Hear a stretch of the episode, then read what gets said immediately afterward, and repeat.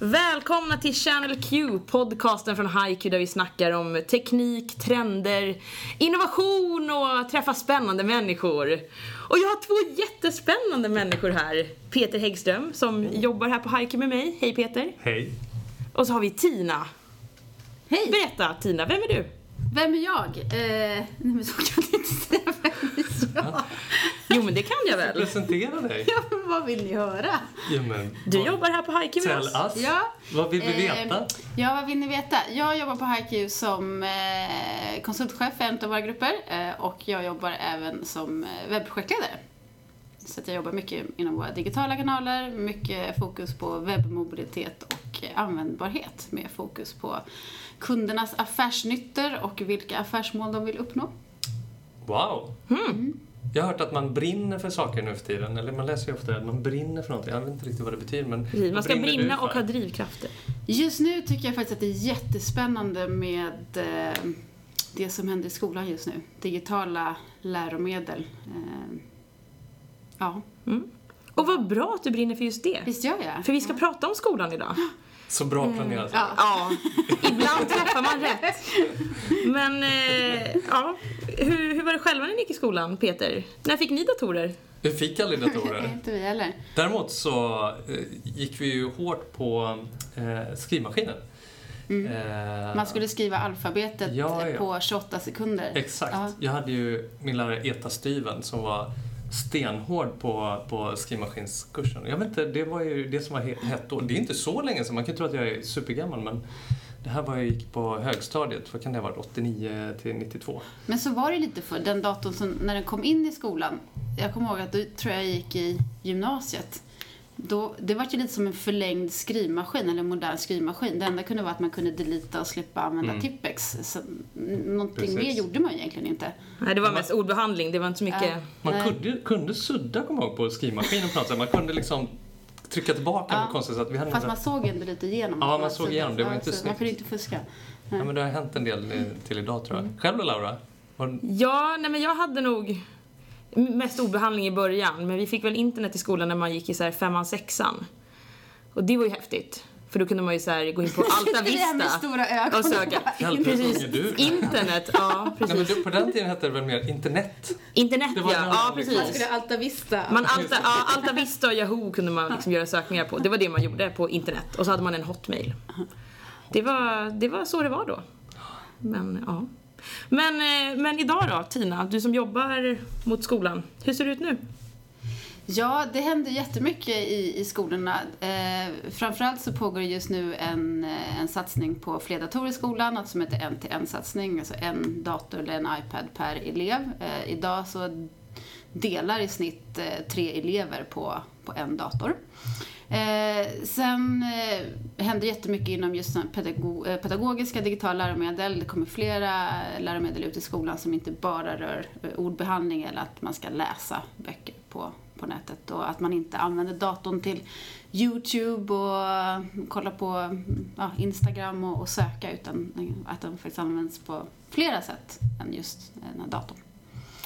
Eh, sen det som är på gång mycket nu, om man tittar på de yngre generationerna, de använder ju datorn jättemycket hemma. De har ju sina iPads och många har ju till och med en egen iPhone och så sitter de och håller på med den eh, väldigt mycket på kvällar och dagtid. Så de har ju mycket appar redan nu för att läsa läxor och, och skolan, men de här digitala läromedlen finns inte i skolan än så att man har det här glappet mellan tekniken hemma och, och eh, tekniken i skolan. Eh, och där, där behöver skolorna komma ikapp tror jag eh, för att lite matcha eh, elevens, eh, vad ska man säga, vart de ligger utanför skolan.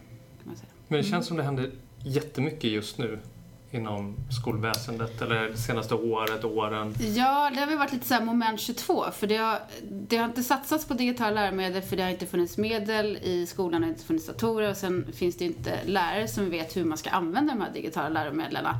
Så att i och med att det inte finns lärare som vet hur man ska använda det, finns inga digitala läromedel, då satsar ju inte heller bokförlagen på att ta fram digitala läromedel. Så det blir lite, vad kommer först, hönan eller ägget? Så att, eh, men nu eh, med den här lagstiftningen som kom eh, 2011 med att man ska kunna söka eh, hitta information med hjälp av modern teknik så, och en satsning så satsas det mer på läromedel i skolan. Mm. Så att, eh, och nu är det väl mera rätt i tiden också. eh, Men blir det en bättre inlärning tror du, eller eh, lär man sig... Åh, det finns på ett ju, annat sätt, jag tror att det eller? finns forskning, det finns ju, det är jättedebatterat om det så att man blir, ja, att sko, eller iPads och datorer tar över lärandet, att det hämmar utvecklingen, att man lär, hur man skriver och så vidare. Men det som jag tycker är intressant är att forskning visar faktiskt på att man är dels bättre i matte och man skriver längre meningar eh, på svenska om man har hjälp av en dator. Och det, jag pratade lite faktiskt med några pedagoger om det och så sa jag men varför tror ni att det är? Och då sa men man, om man tittar på yngre klasser när man börjar skolan, då kanske det finns de som har svårt för att skriva, vänsterhänta eller ja, jag behöver inte de Vänster, jag är vänster, jag har inte svårt för sig inte har svårt. Men det finns de som inte riktigt kan ha den här motoriken att skriva än, men de kanske är jätteduktiga på matte. Du, kan du skriva då? Jag var bårdhänt faktiskt när jag var liten. Ja, jag, jag började skriva, Ja, började, ja. började skriva vänster och så bytte till höger så här. Men ja, Men du skriver kanske inte så snyggt. Motoriskt. Ja. Jag skrev jättesnyggt men jag smetade ut allting för jag ja. liksom drog handen i, i bläcket.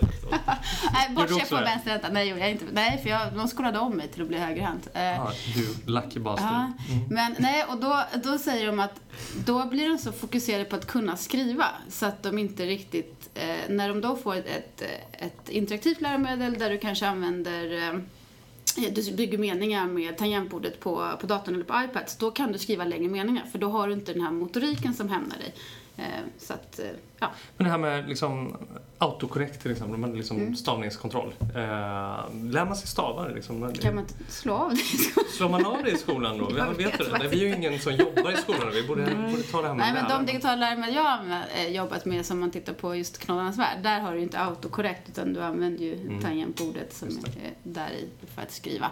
Eh, sen eh, finns det ju många som säger att får du tillgång till en, en dator eller en iPad så tycker du att det är roligare i skolan, du blir mer motiverad eh, och den här motivationen skapar ett större engagemang vilket gör att du säkert sitter lite längre med dina läxor eh, och då leder det oftast till ett, ett förhöjt eh, resultat eller prestation i skolan. Har det gått att mäta sånt än, eller är det för tidigt att liksom kunna mäta utfallet, eller man ska säga? Det finns säkert mätningar på det. det just, jag har inga siffror kopplat just nu, men, men det, det görs jättemycket forskning på just pedagogiska läromedel. Eh, Det finns ju också många som säger åt det andra hållet att har du för mycket datorer i skolan så hämnar det sociala utvecklingen och att det är ju mycket så gamification, att man ska göra saker i levels och komma vidare, man ska få stjärnor, att, att man blir, att man inte har det här sociala livet utanför. Det är som att du kan säga att du skulle spela ett spel där du får lära dig saker och så är du jätteduktig på att spela spelet men utanför skolan så är du inte. Det är som en Guitar Hero. Du är jätteduktig på att spela Guitar Hero men du är faktiskt inte, du kanske inte alls är duktig på att spela gitarr i verkliga livet. Så det är den här balansen att, Men det låter ju mycket roligare. Att spela Guitar Nej, Hero. men inlärningen, att den liksom är interaktiv och man kan... Ja, alltså de, de som, jag har barn som har fått pröva på de interaktiva läromedel som jag har jobbat med, de tycker det är jättekul. Eh, De tror ju att de spelar ett spel och att du samtidigt får det här lärandet på, på köpet lite grann. Så de tycker det är jättekul. Men var tror du vi befinner oss om, om, man säger, om tre år inom det här området? Oj, då kommer vi säkert titta tillbaka och säga så här, ja men det här var ju standard. Nej, men det är lite som, eh, alltså boken har ju funnits i 500 år eh, eller mer. Det är ju aldrig någon som har ifrågasatt om boken verkligen är det rätta sättet att lära sig på. Eh, nu kommer det ett nytt sätt att lära sig på och då är det så här, ja, är det rätt eller fel? Det kanske, kanske det här är som, här ska vi lära oss. Det kanske är jätterätt för oss. Mm. Ehm, så jag tror om tre år tror jag att det kommer finnas flera interaktiva pedagogiska läromedel i skolan. Sen hur man arbetar med dem, det tror jag är lite olika. Och det är ju upp till varje lärare. Men jag tror att det kommer finnas flera, fler, mer stöd för lärarna att använda digitala läromedel än vad som finns idag. Och kanske flera utbildningar för lärare om just digitala läromedel. Det känns som att det borde påverka även ganska mycket, ja men hur mycket, alltså skolor, hur mycket IT-avdelningar har de till exempel? Alltså bara om man tänker på den aspekten, allt det här ökar liksom. Då känns det som att till exempel vi kan spela en roll ännu mer vad gäller att alltså, vara med som en del av att skapa en bra utbildning, inte bara så här, åh en teknisk lösning. Ja, precis. Utan att det gäller ju att kunna- du förvaltar den här tekniska lösningen någonting mer, att man vet hur man ska använda den. För annars så kommer det nog inte användas om, om man bara slänger i knät på någon. Vi pratade lite innan här om skolan i allmänhet. Ehm, Vi kan lika gärna ta den diskussionen lite. Du hade läst någon eh, spaning kring eh, programmering som skolämne. Ja, Ehm, det var eh, faktiskt i, eh, i Storbritannien nu så, så kom det en intressant artikel om att man eh, låter eleverna ner på en ganska låg, eh, i, i låg, låg ålder få programmera, eh, lära sig, ja, programmera i, i skolan. Även Så de som är vänsterhänta. Ja. Nej men de lär sig både, de, eh, vad var det det står? POP, eh, CSS, HTML, eh, ja, ren, ja, med olika steg i hur man ska, ja. Mm. Det är ju klockrent. Jag tänker som, som i Sverige där det finns väldigt mycket IT-jobb och jag menar, eh, vi pratade om det innan, träslöjd och syslöjd har funnits med rätt länge. Då borde kanske programmering vara minst lika motiverat att ha med i eh, skolplanen. Jo, ja, ja förvisso. Men jag, jag tycker att det är jättekul samtidigt som man blir lite så här, oj, kommer alla... Det, blir någonstans att man riktar in eleverna på att nu ska du bli utvecklare eller i den branschen där du blir stor. Nej men det är väl inte större skillnad än eh, att du ska bli snickare om du ska hålla på med träslöjd eller? Alla kan inte bli snickare Men nu är de här typ sömmerska eller vad är det? 8-10 år. Ja, jag tycker det är klockrent. Det är klart man Ja, ska. jag håller med Peter där. Det känns som att det sig. borgar i alla fall för en... För det känns som att idag går det inte att jobba med någonting utan att kunna använda en dator på ett ganska avancerat sätt. Det är mer det. Det räcker inte med ordbehandling idag. Ja. Så det känns som att där Du finns det mycket för skolan att ta tag i. Jag vill ha skrivmaskinstester på Ja, du vill... alfabetet Jag hör det. Du är, så här, på 28 du är lite bakåtsträvande. Nej men jag tycker absolut, det är jättespännande att, eh, men ja, det gäller bara att de här tas hand om sen när de blir äldre kan man väl säga. Så att de, Mm. ja, att de fortfarande har en social förmåga. Ja, men försvinner den sociala förmågan med, om man har för mycket gadgets i unga, unga år? Och man Nej har, men det märker man väl mycket- själv nu. Det är ju mycket mobiltelefon. Det är ju bara att titta på tunnelbanan hur Mm. alla sitter med sina telefoner, eh, går på restaurang och eh, satt på restaurang och åt lunch här om dagen och ut på ett sällskap på fyra så satt alla med sina fyra mobiltelefoner. De pratar ju inte med varandra. Det är väl det som är det mobila samhället och Mm. att det finns fler datorer. Att, eh, För det har ju också tagits upp som ett, ett eh, potentiellt ämne i skolan, att man ska utbilda barn i hur man Hanterar ja, men social media till exempel. Mm. Eh, I och med att man faktiskt inte alltid förstår. Mm. Ehm, det är liksom spelet som är liksom i sociala medier. Man kanske lägger ett inlägg som inte är lämpligt eller man ja, Mm. helt enkelt blir utbildad i eh, vett och etikett i att, sociala man förstår, medier. ja, men att man förstår effekterna utav Mm. det man gör kanske på, på nätet. Nu kommer jag bara på en, en grej här. Just Knoddarnas värld som ju vi på HiQ jobbar med. Ehm, där finns väl till och med en funktion som går ut på att barn ska kunna interagera med varandra och med läraren via knoddarna. Alltså, så där finns ju ändå lite inbyggt åt andra hållet då. Precis, där, där kan ju en elev kommunicera med, eller eh, en lärare kan kommunicera med eleven eh, utifrån det material de har producerat. Eh, och nu pratar vi även om att man ska kunna kommunicera elev till elev via iPads. Men i, i Knallas värld också så finns det olika övningar där de ska jobba med varandra, exempelvis memory eller ja, det finns olika spel där du måste ha två iPads uppkopplade eller Okej. mot varandra. Så att de ska Vad ställer det här för krav på läraren? Tänker ska man vara uppkopplad hela tiden eller under lektionstid man kommunicerar med, med läraren? Under eller? lektionstid. Mm, du, okej. du har ju en funktion också som jag tycker är väldigt eh, lite småmysig. Det är ju att man kan räcka upp handen från sin iPad och så ser läraren det i sin lilla lärarklient. Eh, och så kan det lite diskret då gå fram till eleven som behöver hjälp. Eh, så Mm. att, ja. Hur går man fram lite diskret? Jag vet inte. ja, men man kanske Man kommer krypande på golvet. smyger sig förbi. Det sägs att du behöver hjälp.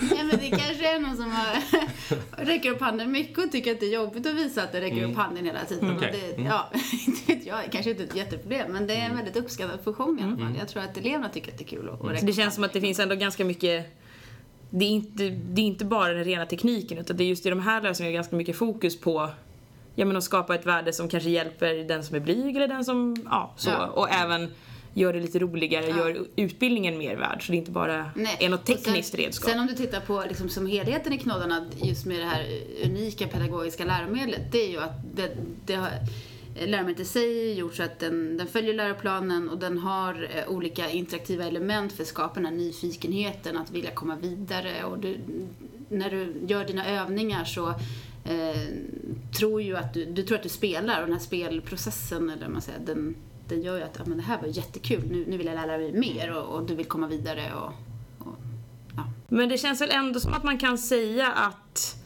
ja, men det blir bara mer och mer digitaliserat i skolan, det blir mer och mer tekniska redskap. Men det finns ändå väldigt mycket fokus på att det ska fungera. Det är inte bara så här, ah, men det slänger in en massa tekniska lösningar, det ska funka, utan det känns som att det har gått så pass långt och det är väl positivt att nu finns det väldigt mycket tanke bakom. En pedagogisk tanke, det handlar om att hantera det på rätt sätt, det handlar om att både lärare och elever ska förstå verktygen. Absolut. Så, och de digitala läromedel som, som vi har jobbat med, där jobbar man ju mycket med lärarhandledningar och läroböcker också som, eh, som också görs digitalt så att eh, det finns en matchning mot det som eleven ser och, och att läraren samtidigt kan se läroplanen eller lärarhandledningen vid sidan av.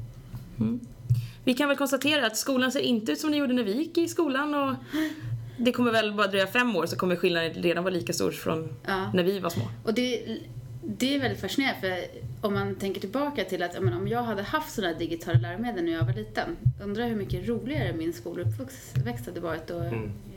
hur, hur mycket snabbare och bättre jag hade varit, jag. Tycker du är snabb och bra. Ja, men som du bättre är kanske jag hade kunnat varit, ja. Ja, men det verkar väldigt kul och inlärning eh, Ja. verkar ju Ja. lite mer spännande. Mm, de här nya absolut. verktygen. Nej, men vi, vi fortsätter jobba med det här och vi fortsätter följa utvecklingen. Jag tror att det kommer vara mycket spännande som händer. Och så ser vi fram emot att se kanske programmering som ett ämne i skolan. Jihi! Tack så, tack så mycket för idag! Tackar! Tack!